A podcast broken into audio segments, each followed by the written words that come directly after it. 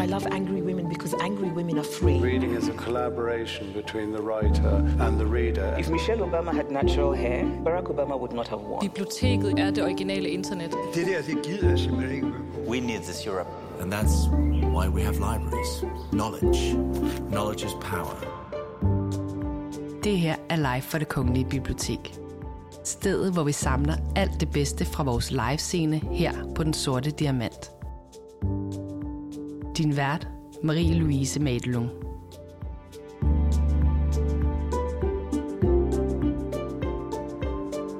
Greenwashing er ikke nødvendigvis en dårlig ting. Det er en af de mange udtalelser, som John Elkinson kommer med i den podcast, du skal til at lytte til lige om lidt. Sammen med chefredaktør på Berlinske, Mette Østergaard, får de sig en virkelig interessant snak om bæredygtighed og klima i relation til lederskab og udvikling af organisationer. Et interessant perspektiv er i slutningen af samtalen, hvor Elkinson peger på, at det, hvor vigtigt det egentlig er, at vi engagerer den ældre generation. Man bliver med tiden automatisk meget mere konservativ, og som udgangspunkt investerer man primært sin pension i sikre, men også sorte virksomheder. Her er der nogle nøgletal, som Elkinson mener, at hvis vi kan overbevise og engagere den ældre generation til at støtte den unge generation, så kan vi rent faktisk godt løse klimaproblemerne. Jeg håber, du får lige så meget ud af samtalen, som jeg gjorde, da jeg lyttede til den, og måske nogle nye perspektiver på, hvordan vi sammen kan løse klimaudfordringerne. Rigtig god fornøjelse. I'm really looking forward to having this conversation to, with you. It's a pleasure meeting you, an honor. Um, how is it to visit Denmark on such a beautiful spring night? I don't want to go back. Um, simple answer. Yeah. It, when I look into your uh, book, Green Swans, that we're going to talk about, and also uh, other interviews you've done, it seems like you had a bit of a love affair with this country. Is that true? I, I first came to uh, Denmark in 1969. Um, the woman, the young woman who became my wife, had a Swedish boyfriend before, so we hitchhiked up to Stockholm to see him, and then we hitchhiked back. And um, we slept in a bus shelter on the outskirts of Copenhagen uh, that first time. But there was a wonderful man who picked us up from, uh, he was going to a steel mill. And he was going to sign a big contract that day. And we just, we, he got us into his car. And we were driving where he was going to drop us off. And he suddenly said, he said, no, during the war, your country played an important role. And I'm going to take you to the coast now. I'm going to take you to the harbour. But can I stop off and make a telephone call and tell the steel mill I'm going to come later? I just thought that was just what an introduction uh, to a country. Mm. And then later in the um, late 1980s, I started coming, particularly to work with Novo Nordisk. Mm. Um, but that's another story. And, yeah, uh, but I can read in the book that you praise Novo Nordisk on being one of the first big companies, large mm. companies, to really turn itself around the, the triple bottom line. Mm. Um, I can also uh, read that you look, uh, work together with Copenhagen Business School. I don't know if there's some students from there tonight. Wonderful. Uh, yeah, there is. Good evening. Um, but most importantly, Wikipedia at some point made up that you had a Danish wife you didn't well, even know nothing about. it may have been real, a reality, I don't know, but I didn't know about her until that point. Yeah. I, I, very rarely looked at Wikipedia, and, and, and the once I, the first time I ever did, I saw that fact. Yeah, so. well, nice surprise. Yeah. Uh, but I should, also, I should be proud. Yeah, you, you refer to Hans Christian Andersen, mm. and you do that because uh, you also describe the pre-stage of the green swans, mm. or the black, or the gray, or the blue, uh, the ugly ducklings. Um, I would like to start out with asking you why do, did you feel the urge to change the black swan into a green swan phenomenon? Well, I, I, love books. I mean, I think you do too, and what a wonderful place to be talking about um, books. And every so often, one comes along that just has a transformative effect on the way that any one of us thinks about the world. And, and when Nassim Nicholas Taleb wrote The Black Swan, and that was published in 2007, just ahead of the financial crash, mm. I mean, every thought, everyone thought he was a prophet, and, and, and, and as you know, what he was saying that every so often, out of the blue, comes something that is completely unexpected. Uh, and I, I, I love that book. I love the idea of the black swan. But I wondered whether there would be a special class of black swans because he also he covered problems and challenges and he also covered solutions. But whether there was a special class that would be exponential solutions to things like climate change, um, but also to some of the other uh, challenges that the Sustainable Development Goals mm. uh, flag up. So I also like playing with metaphors, and it was just it seemed to be a nice one at the time. Could you just um, take out the most important characteristic for a green swan? Well, for me, it is in part that they are an exponential trajectory. And I, since the book came out from different parts of the world, people have been sending me copies or photographs or actually examples of their business cards in which they say, no, no, no, I, I work in the Philippines or Indonesia and I'm a green swan. That really wasn't the idea. The idea. I mean, I like it. I mean, it's wonderful, and I know more power to them. But the idea was that these were technological, market, political, cultural trends with the potential, after a period of growing relatively slowly, to suddenly go through an inflection point and take us somewhere quite unexpected. And the problem is things like COVID 19 take us places we really don't want to go at an exponential rate. Um, so the, char- the key characteristic is that these things at least have the potential to go viral in a good way, to, to sort of scale and replicate, to use the sort of Silicon Valley uh, mm. language. You've mentioned the internet, the mm. cell phone technology, yeah. but also the vaccine technology, which some of it actually came out of COVID.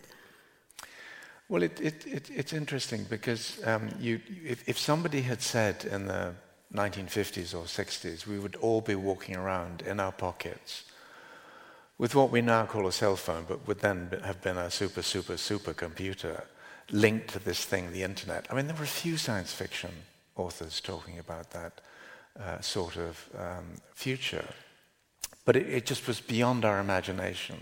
Mm. And the idea of the green swan is that already in our world there are people working on solutions to some of the absolutely critical, existential challenges that we face as a species. And at least some of those, with the right following wind and support and the rest of it, could take us again to good places that we didn't expect hmm. uh, to be. So it's, it's, fundamentally an optimistic and, and I hope hopeful um, uh, line of argument. So you wrote Green Swans. What was what was the urge? What, why did you want to read exactly that book? Because you you you wrote about twenty books. Um, so what what was the why was there a need for especially this book?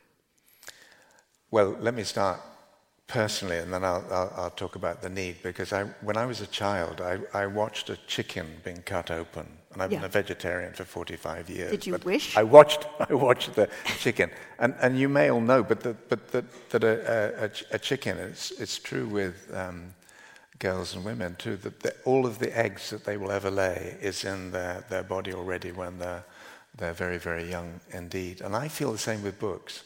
I, I, I feel that um, if anyone had told me when I was a child I would eat, write even one book, I'd have thought, absolutely screaming nonsense. It, it, cannot happen. I didn't come from a family where that was done. Um, but I have that sort of compulsion to write. Um, and I often say that if I want to learn about something, I write a book because it's, it's a good excuse to go and.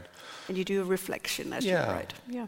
And, and I hadn't written a book for a few years, and, and that one started to bubble up because I'd, I'd, I'd been to uh, places like Silicon Valley and other places, Los Angeles and so on, to talk to some of the people working on exponential technology. And although some of them are absolute nutcases. Some of them are, you know, even some of the nutcases Tell us, will, will tell do. us some examples of that. Well, I, I, No. I, I once worked uh, in, at the World Economic Forum with Larry Page of Google, and know, it's a different species, really. uh, but you know, they do things which periodically They move humankind they ahead do. as well. They do. Elon Musk, another example. Yeah. And, and um, so the idea started to form. And the idea of the ugly duckling uh, came as part of that because I thought most green swan trajectories and so on aren't, they're not born full fledged. I mean, they, they evolve over time. And very often, to start with, they look really peculiar. I mean, they really do. And, and um, So, how do you see the potential? Well, I, when, when I was saying, you know, things look peculiar, I just, I, I was remembering last night being in the boardroom at Ford in Dearborn, outside um, Michigan, in the early part of this century, and talking to people like Bill Ford and others about uh, Elon Musk, because it was 2003, 2004, he was just setting up Tesla. And I said, well, you know, that, that, that's really interesting. And the answer I got was, oh, we tried electric vehicles 100 years ago, it didn't work, uh, and, and it's not going to work again. And I'm not claiming to be uh, any sort of prophet or whatever, but every so often you see something that looks so seriously strange that it's worth paying attention to. And I just, I like to be on the edges of any system. I like to talk to the people who aren't currently in the mainstream. So it used to be environmental activists. It used to be um, human rights uh, people. It then went to social entrepreneurs, social innovators, then en- exponential thinkers. Now it's people working on regenerative farming and, and so on. And part of the, the story is to try and understand what they're doing, understand what they're doing that might actually become more mainstream over time, and then just giving that a little bit more of a Okay, push. so look look outside the mainstream. Yeah. That's a good idea. We we t- we talk about this technology, and not because of the technology, but because it should help us solve the climate change and the climate chaos. Um, we just had another dreadful UN report Yes. coming out um, about a month ago, um, and once again we know that from science that the clock is really ticking yeah. uh, and we don't know if uh, if we can actually reach the 1.5 degree. Um, it seems harder and harder. Are we getting past the tipping point, or what are the actually what what what are the possibilities that we can uh, actually reverse this? Um, we know all the facts. We have all the science Yeah. And we work on technology, but still it seems like we don't work hard enough. Why is it so difficult for us to act?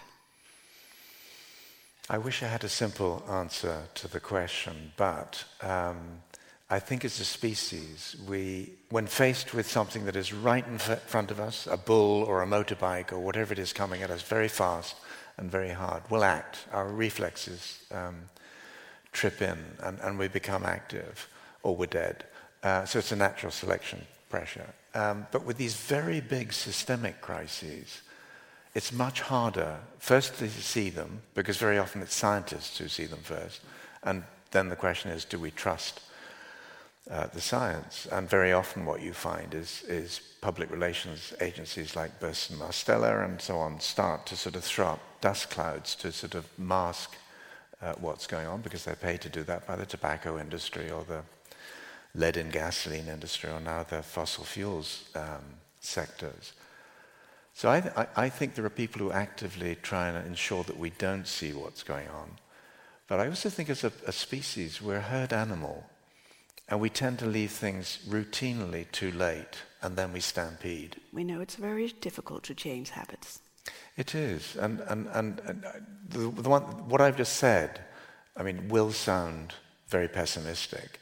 I also think to that tipping point, I read these UN reports and I, I go and visit some of the scientists who work on these sorts of issues. And about 20 years ago, in fact, exactly 20 years ago, I went to the Woods Hole Oceanographic Institution on Cape Cod, and the director took my wife and I around for just a full day. And we met all of the leading climate scientists. And I thought I knew about climate science then. And I came out literally, we would say, with my knees knocking, because the scale of what they were already seeing then, 20 years ago, with the, big, the deep um, currents uh, starting to shift, it was terrifying. And they were saying, you know, if, if this continues, within about 40 to 50 years, we're going to be in Western Europe back to where Siberia was. And, and, and so the question you've just asked me, Matt, I, I constantly ask myself, why is it that even if the science is there, mm. we cannot take it on board? That, because is it psychological? Is it emotional? Is it is just a b- belief that nothing like that can possibly happen? Um, but, but just to go optimistic in a way, I think that as a species we tend to leave things way too late but then we act. In very short order, we start to do things. And it's often too late, and, and now I think in some senses it's, it's certainly too late to stay under 1.5 degrees. Mm. I mean, as the UN says, you know, we'll be there in just a few years. The question is whether that's a, a, a terrible thing, and I think it will be, but whether it has good aspects, whether it will so terrify people that you'll then finally start to get people acting. But I think we'll still see those problem industries lobbying extremely hard, either publicly or very often behind the scenes. Mm. And somehow we've got to address that problem.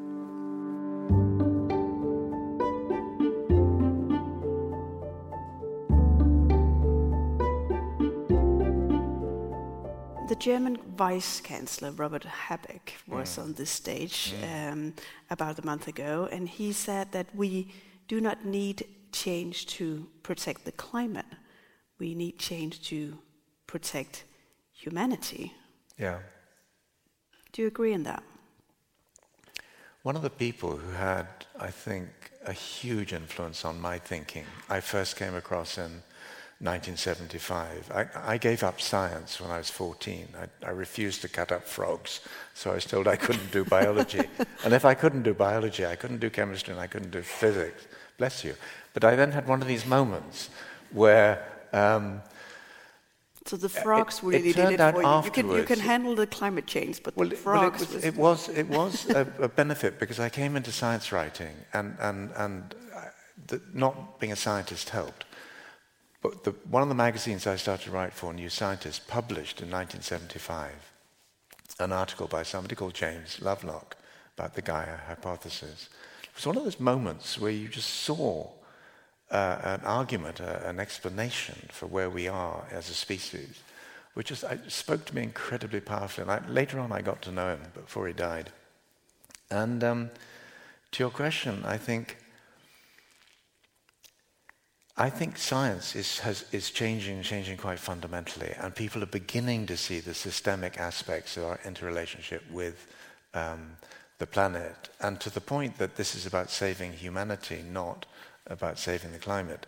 That's what Lovelock said for about 40 years. Mm. Um, so I, I, I, think it's correct, but it is also about saving the climate because as, as the climate changes, every other species on Earth pretty much is going to be advantaged or disadvantaged. So the, the repercussions of biodiversity are going to be huge. So even though you have looked into the science, you've looked mm. into the facts for so many years, you're still optimistic. Why is that? because I was born that way. I mean, in the sense that you you can't do. I mean, there are people in the audience who will come from activist groups, Greenpeace, and people like that. I mean, how have people like that continued to hammer away over so many decades. And sometimes it's the organization, not, not the individuals. But I'm optim- optimistic in the sense that I believe in progress. And I also believe that we're not entirely stupid as a species. I think that. You know, but is it, is it too late? That's the big question all the time. You know, is it too late to be optimistic? For many things, it is too late. Um, and and if, if you look back at the history of our species, we have a, criminal record of crashing ecosystems and then moving on. It's, it, it's sort of what we do. We've got this last chance to sort sort of try and overcome, in a sense, that criminal record. But I still believe we can. I still believe that some trends are moving very much in our favor. But you must be optimistic also because you've seen examples yeah. on how business work with this, how they actually develop new technologies that can help us, and so on. Yeah. Where do you see the coming green swans? Where should we look for them? One of the groups that I've, I've really admired for a very long time is called Rethink X, and they're based in Silicon Valley and in the UK. And some people in the audience will have heard of them, and if you haven't, I really do recommend their work. Uh, and the first study that they did was on transportation and mobility. And they talked about a future into the 2030s where there's a huge transformation in uh, the automobile industry in particular, with electrification and so on. But one of the arguments they made is you're going to see a 50% increase in the kilometers traveled by humanity over the next sort of few decades. But you're going to see something like a 60% collapse in the revenues going to the oil companies, going to the automotive companies, and so on. So they're looking structurally at what's going to happen. So you're absolutely right in the sense that there are now trends, and they've looked at cattle ranching and dairying, they've looked at renew, uh, energy, and they've looked at finance and so on. And in every one of these sectors, you see these trends building. The issue is that the social shock waves that will come from these disruptive changes in our economies need hugely intelligent long-term political planning to make sure that people are reskilled and moved between sectors and so on. And largely we're not doing that yet. And we're particularly not doing it in countries like um, the United States. So the, the, the, social shock waves, almost the future shock, as Alvin, Alvin Toffler would call it, or have called it, is, is going to be profound. Yes, because a lot of, of the, the examples we've talked about when green swans, how to change the climate, is around technology. Yes. But you're also saying maybe we can find change elsewhere. Could we, could we look for huge change in how we deal with the climate change in other sectors than technology? Well, I think, firstly, uh, we've forced ourselves into a corner now where we have no option but to do carbon capture, and we have no option but to do things that are called geoengineering, where you start to put uh, compounds into the oceans to sort of pull carbon out of the atmosphere and so on. But I actually think that there will be a cultural response to this at some uh, point. People, particularly younger people, as you know, are increasingly talking about degrowth and how, how do we just step off the treadmill of just constantly growing our GNP and so on.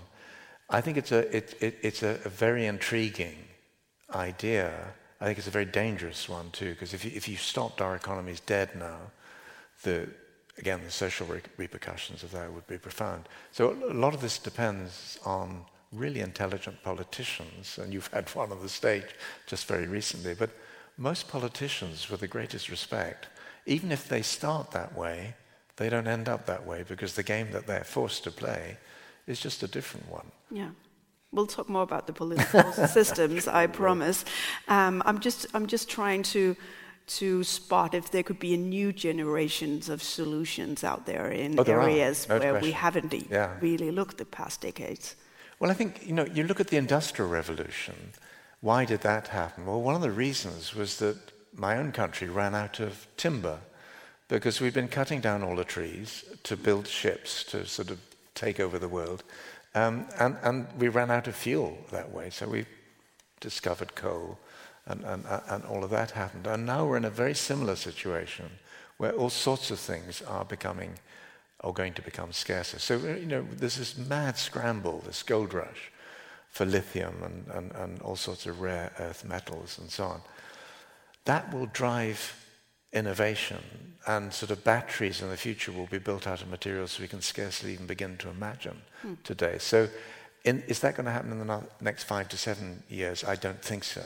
Is it going to happen in your lifetime? It's almost guaranteed. The question is, does that happen fast enough? Is it deployed in a, an inclusive way where people aren't disadvantaged uh, unnecessarily by that? And does it happen around the world? Does it just happen in the global north or parts of the global north? Mm. How do we actually make sure that it happens right around the world? It seems sometimes that we're looking for miracles, but in a um, um, yeah, in, in a very um, in a way that we, we, we want to we really want to get this done if we have to survive. I know there's a quite a lot of uh, business leaders in the audience as well, uh, and I know you advise many bus- business leaders and boards. What is what is your advice to them at the moment on how they should look for these miracles? Well, just to explain, I mean, I, I grew up in parts of the world where religion was a real problem. So I very early on, like Northern Ireland and Israel and so on. And uh, so for me, religion is a bit of a problem, and miracles, Miracles. go along with that. But there are people, Charles Eisenstein among them, who talk about miracles as being those moments where you step from one reality to another, where something that seemed absolutely impossible suddenly becomes possible and then inevitable. And I think that form of sort of secular uh, miracle is, is, is not only possible, but it, but it is increasingly hap- happening. And I think the reason I started to work with business over 40 years ago, at the time when groups like Greenpeace basically told me, if that's what you want to do, that's fine, but the only way to deal with business is to strap them down with lots of ropes and so on, and just make sure that they can't move. And my response was, well, I can see why you might think that, but if you're going to get these people's creative juices running and so on, you're going to have to give them a bit of freedom and, and, and, and, to experiment and so on. What were they afraid of? That the why should they tie the businesses all down? Because at that time, many industries were, looking back now, virtually criminal, uh, in the sense that they were doing things that the future would see as absolutely obscene. Um, and there were companies I worked with. Uh, for example, there's a company that no longer exists uh, called uh, ICI. Um, and I worked with their CEO, I worked with their chairman back in the 80s. And this, this was during the build up to the chlorofluorocarbon uh, uh, issue, or you could call it a scandal. Uh, and they were doing science, they were paying for science that showed there wasn't a problem up there. And then some scientists in, in, in Antarctica just put up old fashioned balloons and found that there was a huge problem. And just then seeing that, that company, just in this, it, they weren't trying to be criminal, but they, their business models and their sort of almost ideology locked them into a world where it was fine to take from the environment. Was that because it was the single bottom line that it was the profit that was really controlling the decisions? I think it was the way that we'd always operated as a species, and particularly as an international species. When people were forced to live in specific areas, places, regions, whatever, they were also forced to conserve uh, natural resources and understand them to a degree when you were traveling around the world and, and bringing back um, the world's resources. You didn't have to think about that for a long time. And that was just, this was the 70s, 80s, 90s. That sort of limits to growth reality, although it was contested at the time, was just beginning to come home. And that was when you created a triple bottom line. Well, that, that was, was- 1994, mm-hmm. yes. which is, is people and planet and profit. Yeah.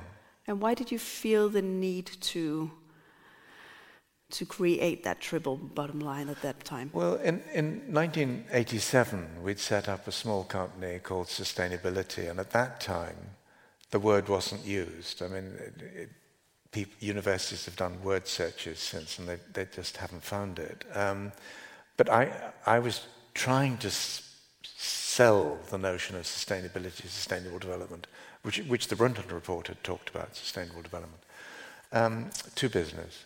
And I thought, well, what does business think about? Uh, and often it is that uh, profitability, the, the, the financial bottom line. And it may seem absurd, but it, it, it took me 18 months to get from the recognition that something was needed to those three words. And at the time, I just, I, I, I, I had this, when I came up finally with the triple bottom line phrase, I thought, I've heard this before. Somebody's talked about this before. And I rang all sorts of people and I got in touch to see who, who recognized it. No one did. You So I could thought, oh, actually okay. claim it. well, I, thought- I thought I could. But then many years later, I, I, I, mentioned Future Shock and Alvin Toffler. Later on, he wrote a book called The Third Wave, and that was, I think, published in 1980. And I read it about that time.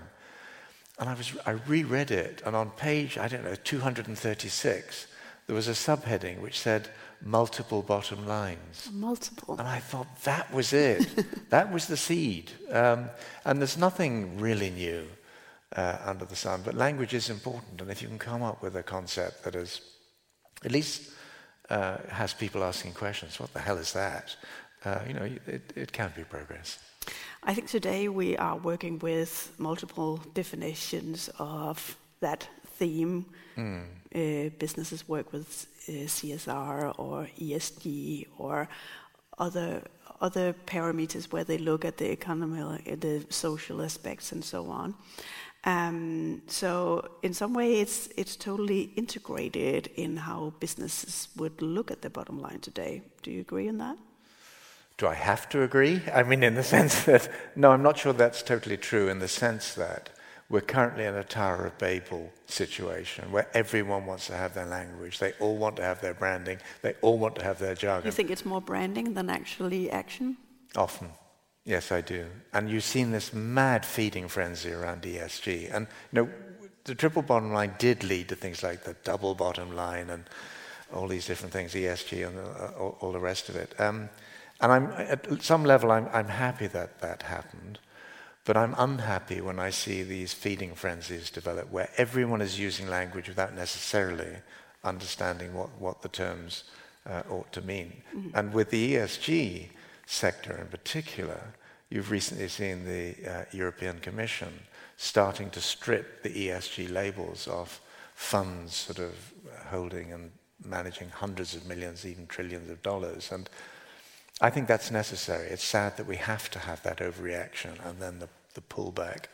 But that's you reacted nature. to to that tendency as well about the triple mm. uh, bottom line. You recalled it in yes. in, in '98, um, and you've said it's it was because everybody had their own interpretation of it, and, and you didn't really find that everybody actually understood what was the purpose of this. Is that what's going? Is that what's happening also at the moment with ESG, for example? I think so. I think the specific reason, and you know, I, I, some people assume that I'm logical. Some people assume that I might know what I'm doing, but very often it's intuitive, it's instinctive. So with the, the, the recall, I'd worked with companies like Ford and Toyota and Volvo and so on and I'd seen them go through product recalls where you, you have a perfectly good product, but it, there are dysfunctions. So you pull it back and, and, and, then you fix them and you put it back on the road or whatever the product's meant to do.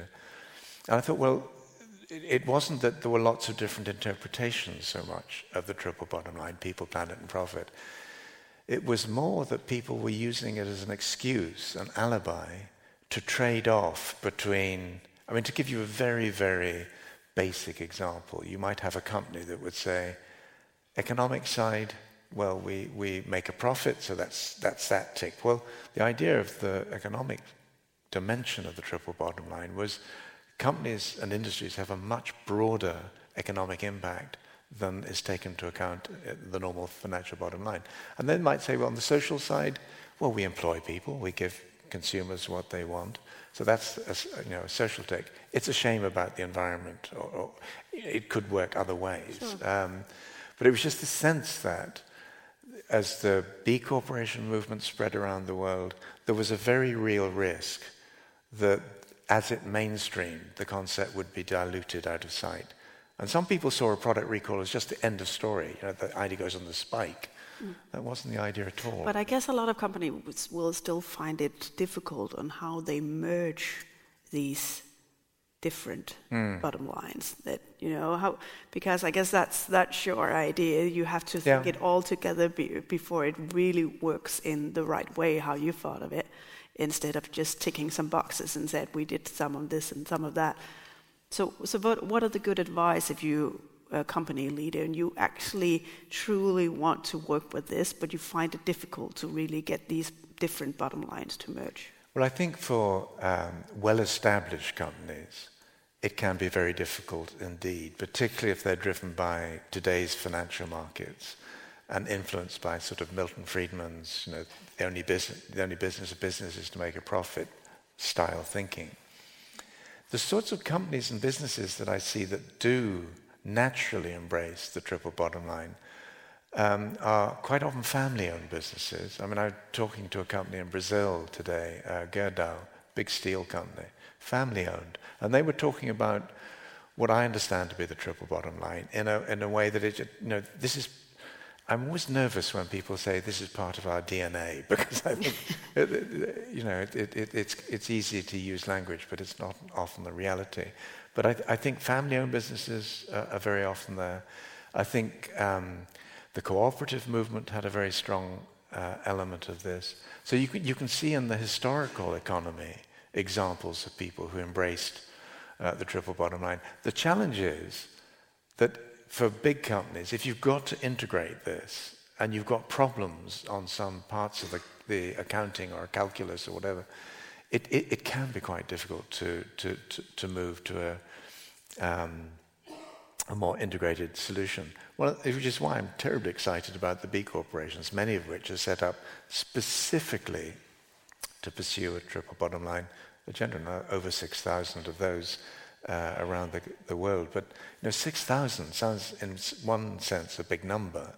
But in, in, in, the context of the tens of millions of businesses around the world, we'd not even gotten started. But you praised Novo Nordisk for mm. actually being uh, one of the big companies who was able to do that. What was it you saw that they did right? Well, one of the things they did um, was extremely unusual at the time. And at the, t- at the time, we just done this book, The Green Consumer Guide. It was a massive threat to companies like Novo Nordisk. They suddenly found some of their big customers uh, they then produced industrial enzymes and so on, which went into detergent products and so on. So they started to find companies like Lever and Procter and Gamble and so on, starting to ask very difficult questions.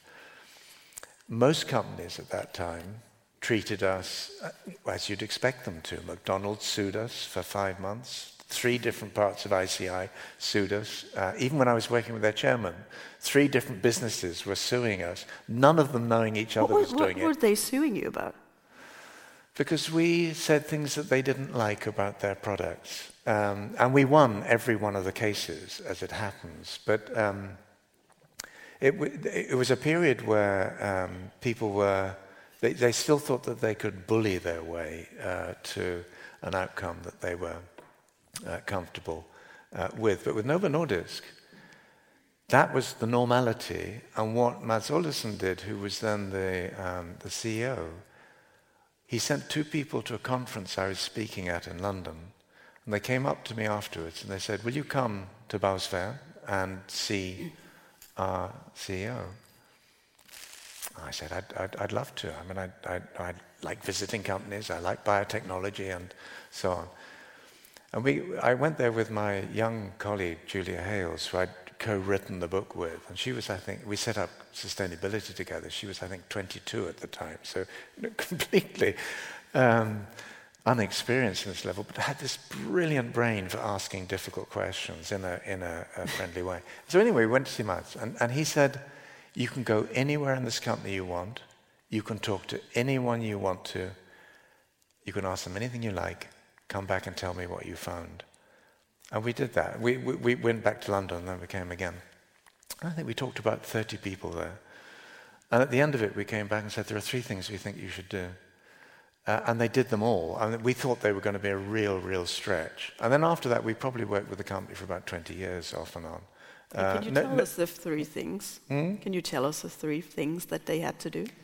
Well, one of them was invite the outside world in, because at that time companies would read in the paper about what campaigning groups uh, were saying. Um, and we'd say, well, why don't you invite them in uh, and talk to them? Because at that stage, they wouldn't, they wouldn't even think of doing that. So we suggested uh, a process where, and it turned out to be an annual event, where we would invite 12 or 14 troublemakers. I mean, people who didn't like biotechnology, didn't like genetic engineering, and so on. And, and, and we put them in front um, of senior management at, at, at, at the company. They have to find out the good arguments then. That's good. Well, it, what, what, one of the things that the companies then, and now it's, it's become more typical to do that, stakeholder engagement and all the rest of it. Then it was just, it was not done. but one of the things that the company people found most interesting was to listen to the stakeholders talking among themselves about trading off between their own issues and their own perspectives of different parts of this. What, from a business point of view, looked like a co- coherent agenda was, you know, very much uh, multifaceted. So that, that, that's how that started. But then something absolutely terrible happened. I mean, if you wanted to script what could go wrong uh, in the worst possible way, um, it happened. The second year, we, we did this strange thing of getting not the company, Novo Nordisk, to invite the stakeholders in. We got the people who came the first year, none of whom came back, to ask the people for the second year. Oh. Uh, and so it was, you know, peer to peer. First evening, I remember being in the hotel in Copenhagen, and they were watching, everyone was watching this television news program. Number one story was an accidental release of genetically modified organisms from a Novo Nordisk plant in the heart of Copenhagen. you could not have scripted something that would have been more just appalling. And, and for a moment, it looked as though the whole thing would bowl, bowl over, people were going to go home, and so on. And then somebody said, Let's go in and listen to what they have to say. And the next morning, there were 70 people from Novo Nordisk and, and somebody stood up on the, I won't say who he was, but he was an engineer and he was a lawyer, and it's a terrible combination sometimes. Um, and he got up on the stage and he said something, I, I'm dramatizing, but don't worry your pretty little heads, this sort of thing happens all the time. Oh, okay. There was this moment, and I had to decide in a sort of in an instant what to do and his CEO was in front of him, board members were in front of him. I walked onto the stage and I steered him off the stage without saying anything. And I just said to a younger uh, woman in the um, f- uh, front row, Lisa Kingo, very, very young, on the margins of the company then, Lisa, come up and take over. And she did. And she did it brilliantly well. Um, but it's one of the, it's, I often say I'm not political but there are politics that go with stakeholder engagement. And if I hadn't done that, mm. I, I don't know what the outcome would have been, but it wouldn't have been good.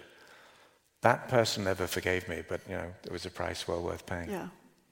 But to listen to your critics, that's actually a, a very good takeaway. Yeah. On how you should push forward your company. Is there is there other, you know, you you don't have to take us through all three. You can do that, but you know, is there is there takeaways that you often say to companies? Okay, you have this well-established company. It's it's difficult for you to turn the whole business around and new yeah. bottom lines. So how do you how do you see the potential, or how do you rephrase how you how you uh, um, you know, also explain the purpose of this company both to your um, employers and customers. Well, the third thing that we suggested to Mads that they do, and it's something that was not only two companies in the world had done it at the time, was produce an annual environmental later sustainability report. Companies just didn't they didn't want to share that information, and and um, and we also said, and when you do it, have the data verified which again, you know, was quite a process. But we did it for several reasons. One is we felt the information was needed in the wider world, but we thought that the very process of going through that reporting exercise would force a company like Novo Nordisk to think about some of the stuff even more deeply than they perhaps had done to that date, because it was going public. And at that stage, it's not true now in the same way, but the board or the CEO had to sign off on the report because it, you know, it was, this was a big deal. Mm. Uh, so as I say, they, they, they, took on board these different uh, things. And then they, they launched the first, one of the very first triple bottom line uh, reports, and things just went from there.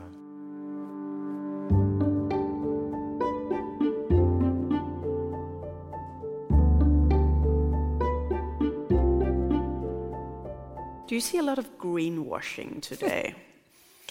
um, It's always there, and and um, I've always felt that greenwashing is not necessarily a bad thing, in the sense that people, again, we're a herd animal. We, you know, everything is exciting, and suddenly we want to be part of it as well. And if everyone is talking green, then we want to talk green too. Um, and, and I always say that if people, a company or particularly, but makes or a brand makes a mistake, um, an honest mistake, and, and then reverses it in short order, that's fine. That you know that we all learn in that slightly messy way.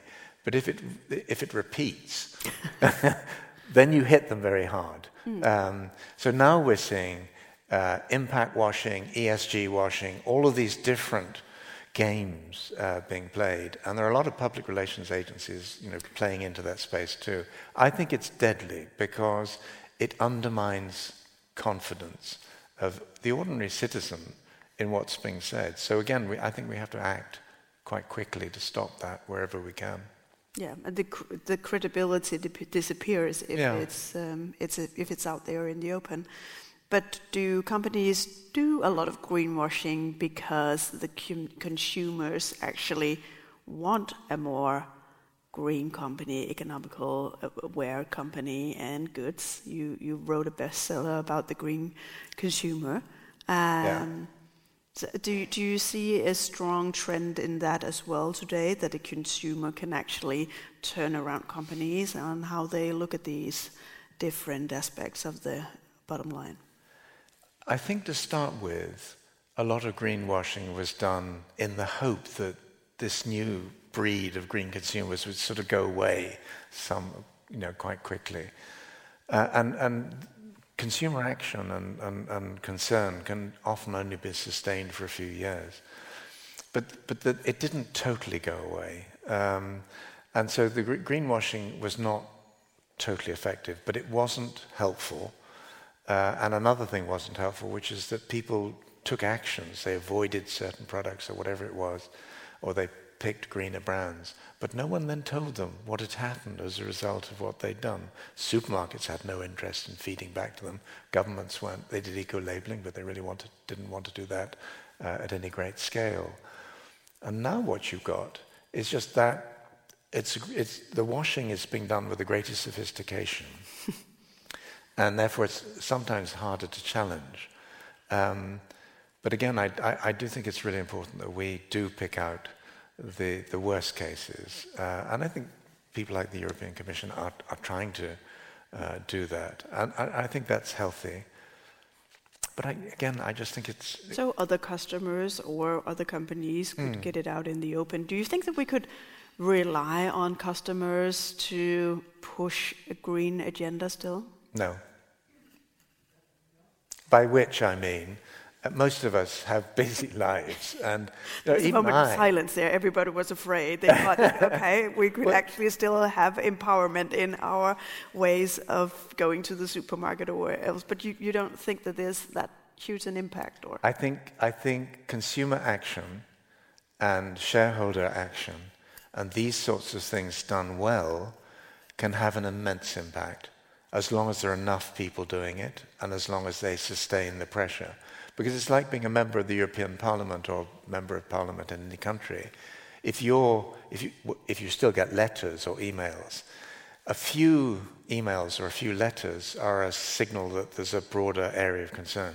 So green consumers or ethical consumers or whatever they're called, um, concerned consumers or conscious consumers or whatever, and, and that's part of the problem because you know you get these multiple iterations. But they, they can have, a bit, bit like shock troops. They can, they can have, they can shock businesses into acting because if, if it starts to affect a business brand and its, its, its sort of market reputation, that, that, that, that can be quite uh, a mobilizing mm. uh, influence. The reason why I say no is because what very often happens, and it hap- certainly happened with the Green Consumer Guide, uh, uh where in very short order, in some cases within a few months, the impact of the book, which was, which was surfing a wave of activism, uh, was so great that, that many of the things we talked about in the book had changed. People had taken particular problem chemicals out of their processes or products or whatever.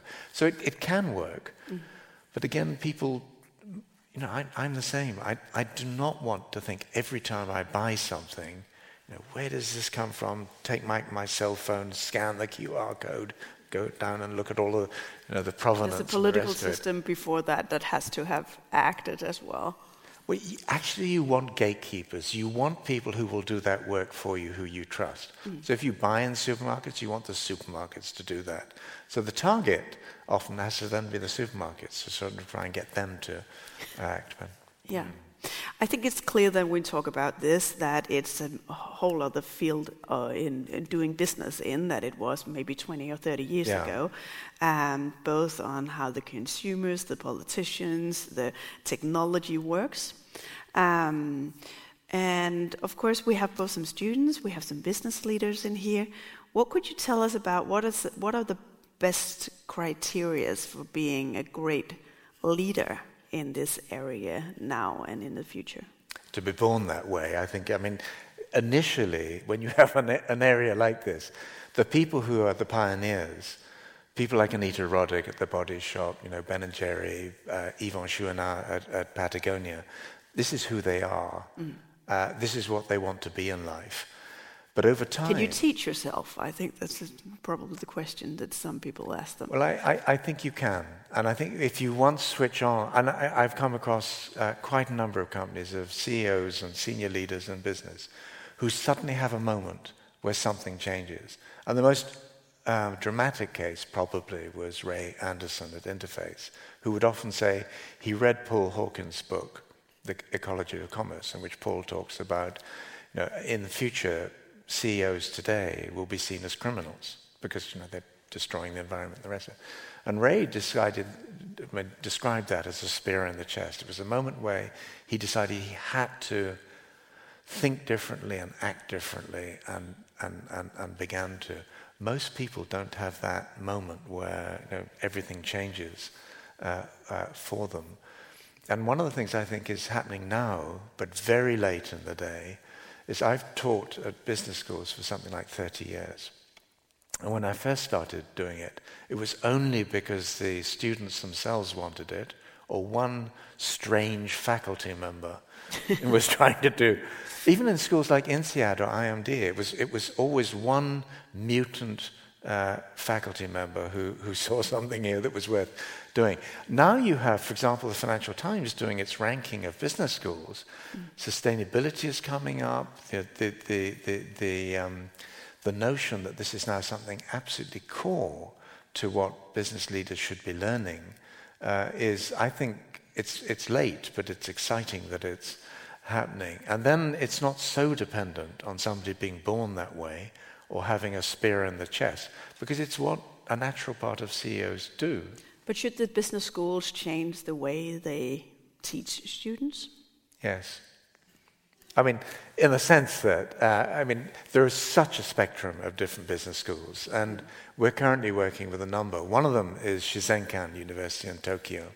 So they're set up to be a business school for the 22nd century, which is a sort of level of ambition I quite uh, like. And we're working with people like ASC, ISC in Spain, Copenhagen Business School, and so on and trying to pull together a, a course which is like the MBA course for the future. But at the moment, it's still very often having to happen on the outsides of the business schools or in networks of them to give themselves you know, strength in numbers. Um, I think in every area of our societies and economies, and this is not going to be welcome to some older people in the audience, um, people can be retrained people can decide to think differently and behave differently. But what should the schools do? Should they throw away Friedman or what? I think they should remove tenure in the sense that, no, faculty members strain every sinew to get tenure. And once they get it, they can swan around forever. That's a problem because that older body of um, professors in economics and so on. There's some great ones, but most of them suffer from what uh, David Suzuki describes as a brain disease. Economics, as it was, is a brain disease. Uh, and we've got to get rid of these people. And if they can retrain, if they're willing, well, wonderful. But if, then, if they can't, we've sort of got to move up the younger folk really much faster. What would you replace them with? AI? Okay. no, I mean, it's got to be a combination of, of, of, of significantly younger people, people with practical experience of dealing. I mean, I, I, find myself in this really ridiculous position now of being a visiting professor at, at three different universities. And I love it because I don't have to play the faculty politics. I can parachute in. I did one last week at Imperial College, I've done that for 25 years. Uh, and then I can parachute out the same day. And then some of the students come on and do projects with us or join the team or whatever. So I think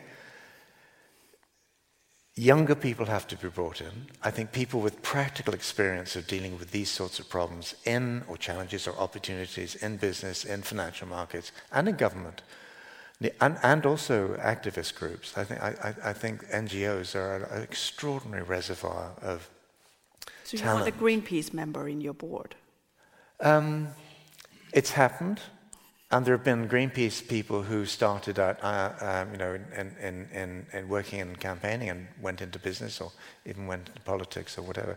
I think that's totally healthy, uh, as long as they remember who they are right through the, uh, the process. But I slightly jokingly said AI, mm. and we talked a little earlier on about AI, and I don't think it's going to save us remotely. But I don't think we can do what we now need to do, including business education, without a really rapid evolution in AI. Do you see AI as a green or a black swan? Well, if, if, uh, if Nassim Nicholas Taleb was here, he would say um, black swans include solutions. They're not, I, I've just simply sort of squeezed out this green bit. Um, I think there'll be both, and I think that um, they will cause, I mean, AI systems are already causing problems because you know they, they won't recognize black faces or, or whatever it is because all the people doing the coding are, are, are white young men or whatever. It, I mean, you know the stories. Um, and that's very small beer. I mentioned the um, ozone layer problem. There was a satellite that th- flew over Antarctica every week, day after day, or week after week, and it, Nimbus 7 and it looked down and it was blind to what was happening. Why was it blind? Because the coding in the satellite, or actually on the computers that uh, processed the data that was streaming back, the coding was done in such a way that nothing like that was possible. So if the data came in showing there was a problem, dump it, mm. because that couldn't be reality. And I think with AI, AI, we'll very often do the same things. We'll build in our blind spots, we'll build in our assumptions and prejudices, and, and that's why I think AI has got to open up and be challenged. And, and so bringing you know, NGOs and others onto the boards of DeepMind or some of the people who are doing this work now, I think it's got to be done sooner rather than later. And isn't it interesting that Microsoft, I think, disbanded their ethics uh, team? Yeah. No, idiotic move. All right. But before we all getting replaced by AI, I, I, just want to touch a little bit more about yeah. the skills, the management skills, the leadership skills. What was what is required in, in the future? I read that you said somewhere that we have a narrow window of showing our responsibility to the world before we are run over by history. I've recently been reading a book by Andreas Malm. Some people will know him. It's a book called How to Blow Up Pipelines. Part of that narrow window is I think we're going to see new forms of activism coming up where people decide enough already. We've tried lobbying, we've tried campaigns. The fossil fuels industry is just digging in deeper. It's investing in you know, fossil fuel resources that will guarantee that we go to three to four to five degrees blow the buggers up. I mean, just go out and blow up their pipelines. I don't support that, but I think you're starting to see people wondering if we can't get at them through democracy, how can we get at them? Um, and I, I think that when I think about a narrow window of opportunity, I'm not just thinking about the science, I'm thinking about politically. We have young people around the world now who feel betrayed eco anxiety is increasingly talked about. When I first heard that term six or seven years ago, I just I thought uh, they're making it up. But it, it is uh, not only a reality. Nature magazine, you probably know, but did a survey uh, 18 months or so ago, and it was international. 10,000 young people. Where in the world are people feeling the greatest eco anxiety? Philippines, Indonesia, Brazil, Very close to the change. And you know, very close to the problems. And, and when you come to Europe, which European member state is uh, showing greatest evidence? Portugal. Because more or less when the survey was done, the fires were blazing and uh, so on. So I, I, I think we've got a very narrow window in which to persuade younger people that democracy and capitalism and, and, and markets and business and so on have the will to solve this and, and, and have a good chance of solving it. Because otherwise, I think things will start to unravel and unravel quite quickly.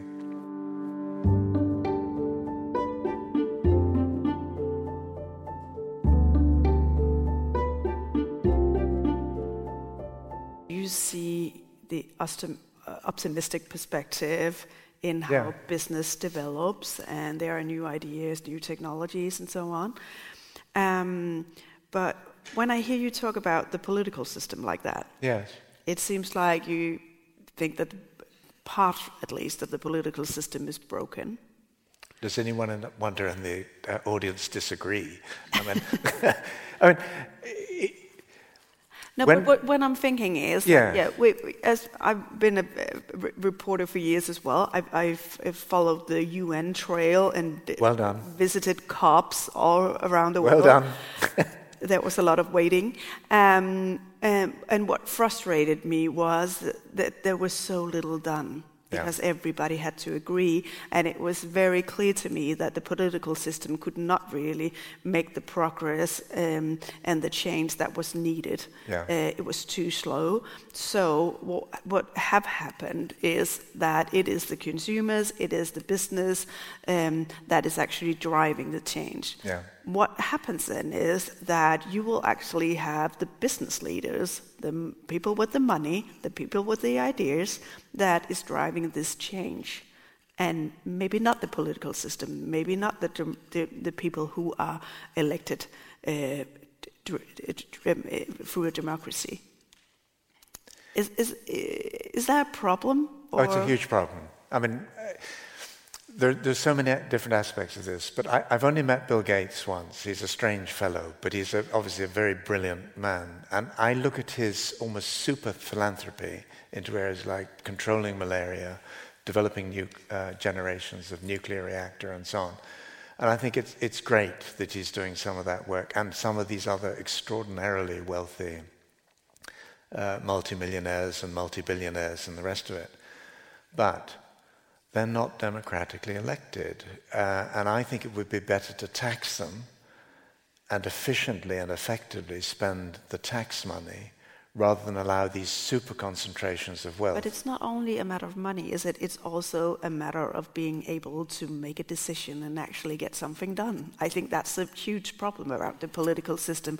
That even though you have the money, even though you have the ideas, you cannot have the majority of votes to actually get something done that you can get in the business. Look, I, I can talk about what business can do constructively and positively and creatively, and I'm happy to do that. But if you look at what the billionaires are starting to do, they're buying up bunkers in New Zealand and, and Patagonia and so on.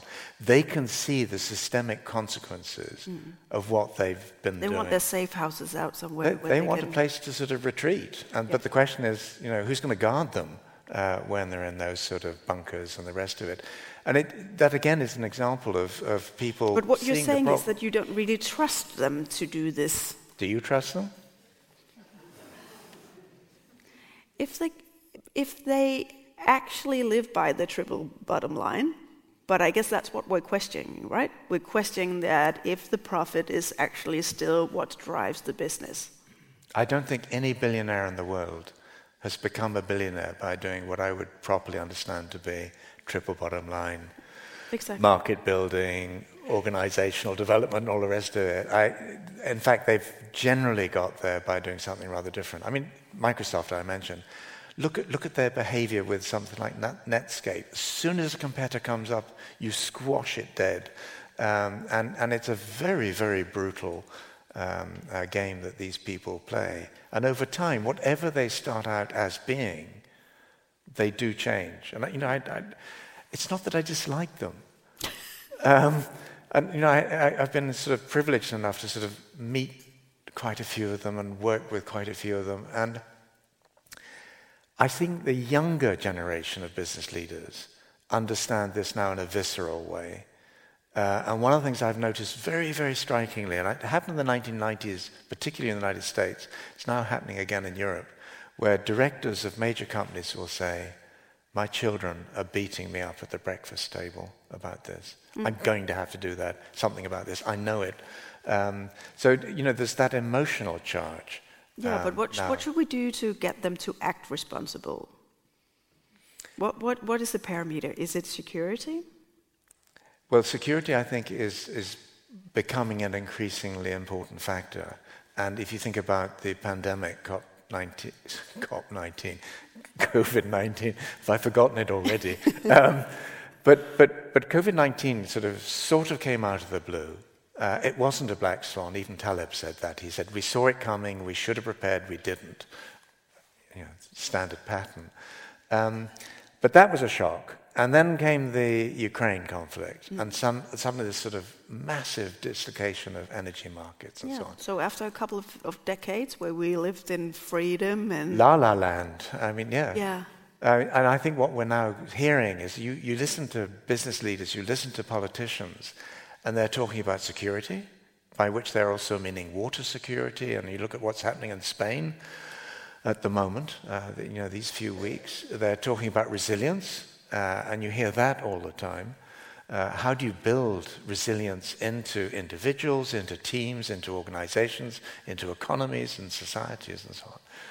And that's not something we've actually grown up particularly knowing how to do. No. We're going to have to come up that learning curve very rapidly. And the best of leaders, whatever sector they're in, will work out how to do that and learn from each other very, very rapidly. Mm. And the business schools are lagging the curve on a lot of that stuff at the moment. And of course, it's you know it's it's affecting the green agenda, uh, but suddenly it's it's a totally different area to work in. We yeah. have had also we had.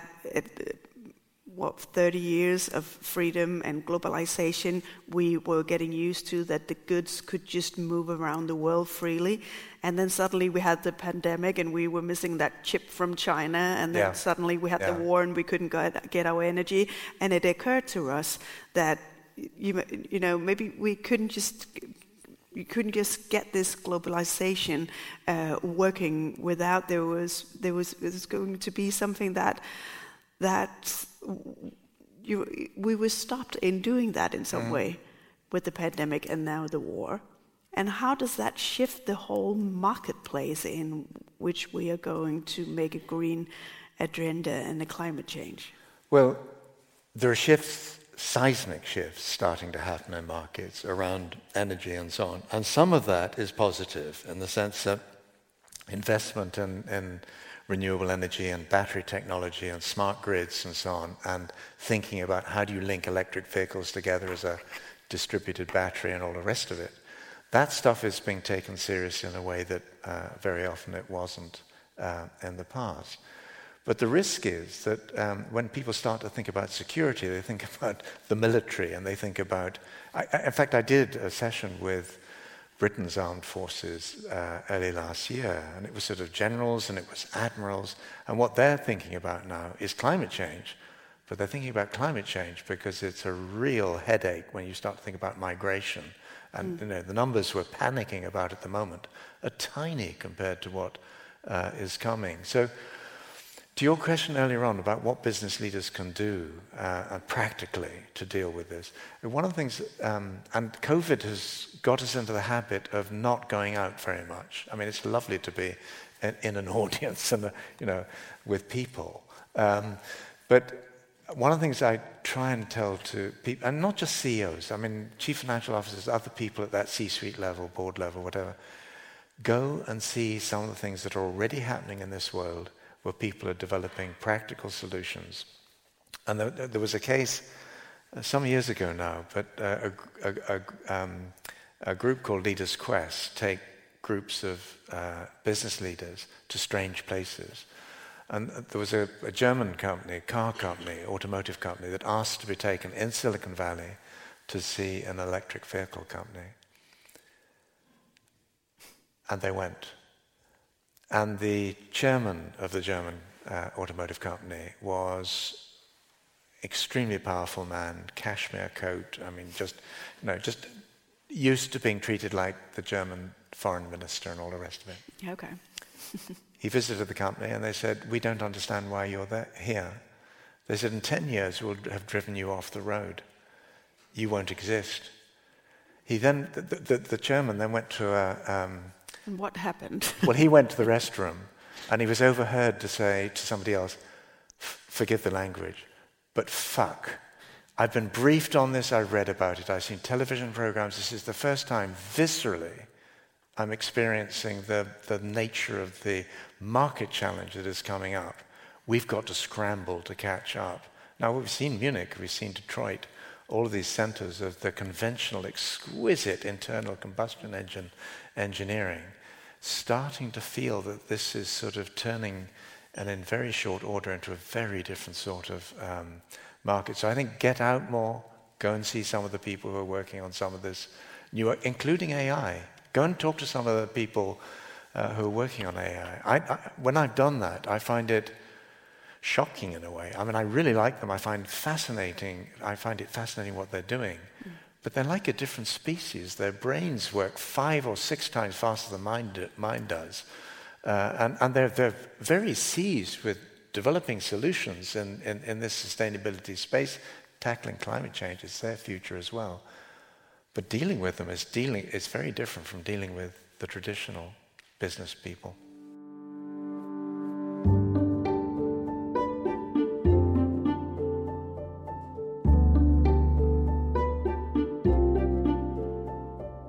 Just talk a bit about more about the changes that happen mm. in the world you talk about go out and see how they work in different places, other parts of the world, and so on. Do you think that the changes we see at the moment, which is not just a regional conflict in Ukraine, but is actually shifting the whole world order? Yeah. And, and the Great South is really, you know, really chipping in in in, in empowering. Um, do you see do you see a shift in how how the green agenda will, will work in this world, new world order, where you also have China as a huge player. Yeah. Well, I, have worked in China, and very few countries frighten me as much as China in the sense that I really, it's a fascinating country. I, I love being there, but the level of nationalism is off the scale greater than even Japan, where again I've worked a fair amount over the years. So I, I, when I look at Ukraine, I see the Spanish Civil War. I think there's a much bigger conflict potentially uh, coming. Henry Kissinger has just gone public with his advice on how we can avoid a third world war. But there is a pattern to these things. And in the same way, about, you mentioned the geopolitical order, it's absolutely inevitable that that will change, that the sort of post Second World War uh, order that we've grown up with, with the World Bank and the UN and so on, that's now being challenged, and, and, and, and, and over time, it's not at all guaranteed that that will continue. And I, I see this as almost like a U-bend moment where, where an old order starts to come apart at an accelerating rate. And that is inevitable, firstly, but it's necessarily it, it's necessary because until the old order starts to wobble, you can't get the new ones coming through uh, fast enough and, and, powerfully enough. So it, it, oddly, I find that makes me optimistic, what I just said. Uh, although, you know, I don't, we've been very lucky not having a really major war for a very long time. Mm. But that in itself is dangerous. But can it change, you know, can it drive humanity forward that we have this change in the world order? And I'm asking the optimist. Yes. Thank God. but, but, you know, I, one of the things that struck me working with China is how they're very acutely aware of certain environmental issues. So if you go to the eastern seaboard cities, air quality, major problems, schools being shut down because, you know, the Olympics, I, I was there during the Olympic period and you could only see these oxyacetylene burners around the bird's nest building through the smog, just these tiny distant bright sparks. So there are certain issues that they're really concerned about. And now they're in danger of really losing face because they're the biggest greenhouse gas emitter in the world. I think what they're doing around renewable energy, around electric vehicles, is both exciting in a climate uh, frame because they're coming up with solutions very fast, and terrifying in terms of the wider global economy because their capacity to, uh, uh you know, just jump, uh, well, what's the word, leapfrog um, in these technologies. Um, why is, is it terrifying? Why is hmm? it so? Why is it so terrifying? Well, if you believe that we can catch up and that, that you know, a, a, a competitive threat like that really sparks, in the same way that the Inflation Reduction Act in the United States is now sparking European sort of counter reactions, then that's not so terrifying. But I, I, I like individual Chinese, but the idea of a world dominated by China I don't find that a terribly attractive proposition. Not that I find the US, uh, you know, infinitely amusing or, or um, uh, you know, reassuring, but at least they have this sense of a somewhat democratic world order. But what China will probably happen is that we won't have a bipolar world order as we're used to. We'll probably have a multipolar. For a while. And then I think it will consolidate and converge again on, on something two or three core uh, concentrations of power. But to your question, I think the green agenda has the potential to become an immensely influential force, even in that very disturbed environment. Actually, in some ways, particularly in that, that disturbed. Because it talks of, and I mean, it, it's funny because the, in, when I first became an environmentalist, for 20 years, my parents didn't understand what had happened to me, and, and, and even the people who educated me. Were they worried? Or? They thought I should have become a merchant banker or gone into the Air Force or something grown up. I, I, think they were worried. They thought, that, you know, how could you possibly make a living out of um, uh, all of that?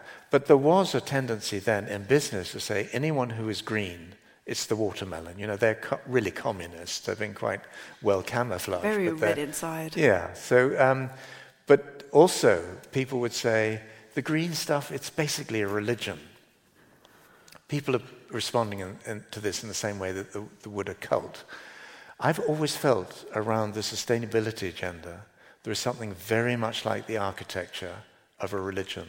And there's something about the human brain which likes religious structures. I mean, we, we have different ones and they compete. But even communism was a religion, and we, we keep defaulting to that sort of uh, form of world order. And it's partly about something bigger than us, so the earth. It's things that go on, it's afterlives, but it's afterlives of other human beings, other species. It, there's a code of uh, behavior that comes with it.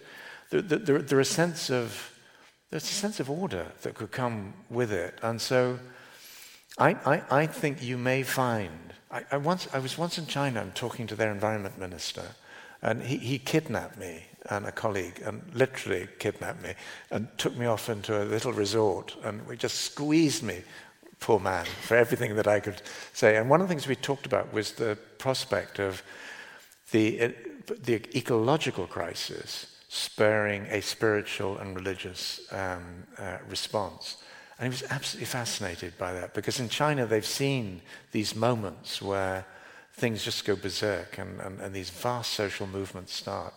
So I think the green agenda could be very powerful in that, but there's one condition, and that is that green politicians and people who embrace that uh, agenda, change agenda, whether it's in business or the financial markets or whatever, they get out there and talk to the people who are creating the new economy now. And when I've gone to see people working on AI or synthetic biology or whatever, and I ask them, who, who else are you talking about to from the sustainability world? They'll reply, we're not.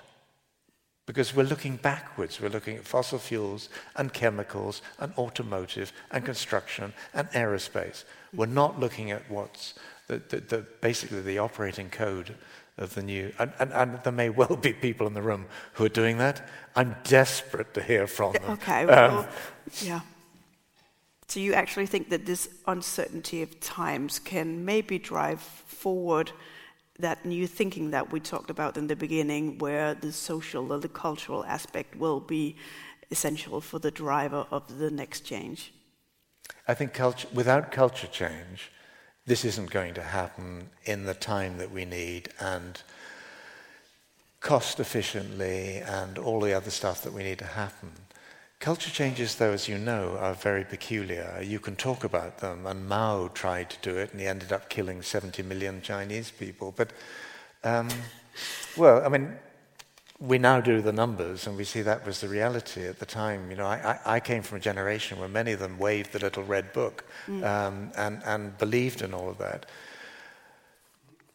These sort of social excursions, these moments where people become incredibly excited or incredibly frightened by something, can trigger perverse movements. And I think one of the reasons I'd like to see the sustainability agenda, the green movements, and so on, being more powerful and more effective is it's almost like a vaccination against some of that sort of stuff. It's, it, it's, a, it's a sense of belief that this can be, this corner can be turned. And I still, and maybe I'm delusional, but I genuinely believe that we, we're very close in to sorting it out, or we don't. Mm.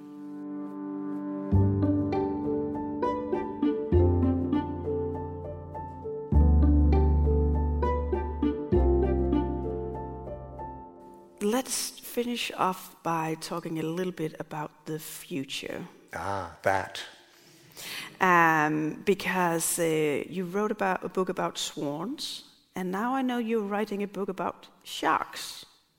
yes. What is what is that about? What should we expect? Well, this is a book that um, sort of jumped up on me in a way. It, it, was something that I felt I had to write, and it's sort of I, as I travel around the world, I'm often asked why are you doing this? What started you off? You know, it's, it's almost the origin story. You, you're such a mutant. Something strange must have happened. So I thought, well, I'll, I'll tell elements of the life story. And I've been 50 years professionally involved in this field now. And I, when I started, it was the environmental wave, then there was a green wave, then there was a sustainability wave, and then what I call the Greta wave, where sort of younger people became much more um, uh, energized. And now it's, it's, it's fragmenting a bit. It's sort of impact and a lot of other things coming through at the same time, ESG and so on. And so I, I, I was starting to think, what is the characteristic of the work that I've done over decades? And a lot of it has been getting in very close to people who are very powerful, very influential, used to having their own way. In Europe, we talk about tickling trout. Mm you get into the river and you sort of tickle them underneath. In America, in places like Florida, they talk about tickling catfish. Problem with tickling catfish is the catfish live in holes quite often, and there are things called moccasin snakes in there, so it's very deadly uh, game. But I, I, thought, well, a lot of what I've done is like tickling, pickling, tickling, pickling uh, powerful people. Uh, it's getting close enough in to distract them, to make them think in a different way. Mm. And there was one sort of, really, for me, one of the, one of the defining moments in, in, in my professional life was 2005, Hurricane Katrina hit um, New Orleans. Um, Walmart, very powerful uh, um, supermarket chain, decided that they would put pressure on this, their supply chain to clean up and, and deal with energy efficiency. Within four or five months, I had invitations to do sessions with the board of DuPont, big chemical company, and 3M. And the 3M uh, exercise was in Minnesota, so I traveled all that way. I did the board meeting, and right at the end of the board meeting, a woman came up to me, and she was one of the board directors, and she had originally been trained as a psychologist. And she said, Why do you use humor in a situation like this. And I, I, I can't tell jokes, I can't remember them. Uh, so it, it's all situational, it's all in the moment. You're playing off something that somebody is saying. And she said, I think it works. And th- she thought it worked for two reasons. The first was, I wasn't being a missionary. I was, I was signaling that I could play with my own agenda. But then the shock was, I was playing with them in a situation, in an environment where people didn't play with them. And so she said the reptilian part of their brain will be thinking, if he's able to do that, the size of his army must be enormous. And, and to some degree, I think it's true that you know, I've, I've you, You, can use a business case, you can use logic, but sometimes you just have to come pe- at people in a, in a slightly different angle. Brain in from a different angle. Yeah. Wow. Uh, just as a final question. Yes, this is the deadly one. I said. This is Oh, nah, no. I'm nice, so you you can be um, you can be calm. Um, I just wanted to ask you if you should recommend the audience to read something. I know you have 20 books; they can start out there. But I heard somewhere that if you should recommend books, you often recommend sci-fi. I do. Why is that? I think science fiction is really intelligent people trying to think around corners, trying to think, what if? So there's a book called The Water Knife, uh, which is about what happens in the United States when what's happened to the Colorado River, which it doesn't reach the sea. When I went down it 30 years ago, even then it didn't reach the sea. Mississippi is headed in the same direction. What happens when the US is starved of water? One thing that happens is you get water wars. Suddenly, Texans are treated like Mexicans are today. You, you, you read a scenario like that, a sort of fictional story, you think, oh, hadn't thought of it that way, but, but it, it's a fully realized version of a potential future. Kim Stanley Robinson is somebody, the ministry uh, of the future, though I can never remember if it's of or for, but brilliant book, a bit like a novelized MBA dissertation in some ways, but, but partway through the book, which is about the species solving the climate problem, there's a very short section where he talks about black ops, where assassins start to go out and kill fossil fuel company CEOs. And then it very quickly slides away from that. But again, I think one of the things that we're being seduced into believing at the moment, and the Andreas Malm book, How to Blow Up a Pipeline, it, I, I would be one of the things I would recommend. Very short, very readable, pretty bracing if you think that you can work with business and change them. But he's basically saying we, we've been lulled into the belief that non-violence will deliver the results that we want. And we're told that slavery was ended because people were non-violent. Actually, the slave rebellions in the Caribbean is what terrified slave owners. Suffragettes, only when the women walked down Downing Street and started throwing bricks through windows did people pay attention. Martin Luther King, if there hadn't been Malcolm X and the Black Panthers, JFK would not have signed off on that legislation. So I think we need to read round the edges of our subject. If there was one final book which I wish people could absorb, but I don't recommend reading it, was a book that I read when I was 14 in 1963, The Structure of Scientific Revolutions by Thomas Kuhn. It's the first time anyone talked about paradigm shifts. Mm. And in that book, and I, I, I, often go back and reread it because I can't believe what I remember having read there. And, it, and his notion is that a paradigm shift, a proper one, and we're going through one, and Lovelock's science is very much part of it. The Anthropocene moment is part of it. It takes 70 to 80 years to come through because you need to, the people infected with the old paradigm to die, or at least retire, the people they taught to retire or die. Um, but then he said something which, which is what I keep going back to and, and, and, and trying to remember whether, it could possibly be true. I, I won't go through the full story, but just that when paradigms do shift, the people trapped in the old paradigm become almost nauseated by this new logic, this new reality that's coming up. And I think we're very close into that starting to happen. And what we've now got to do is very actively manage older people, including, I'm a, I'm a baby boomer. Older people are going to be one of our biggest headaches because they become more conservative.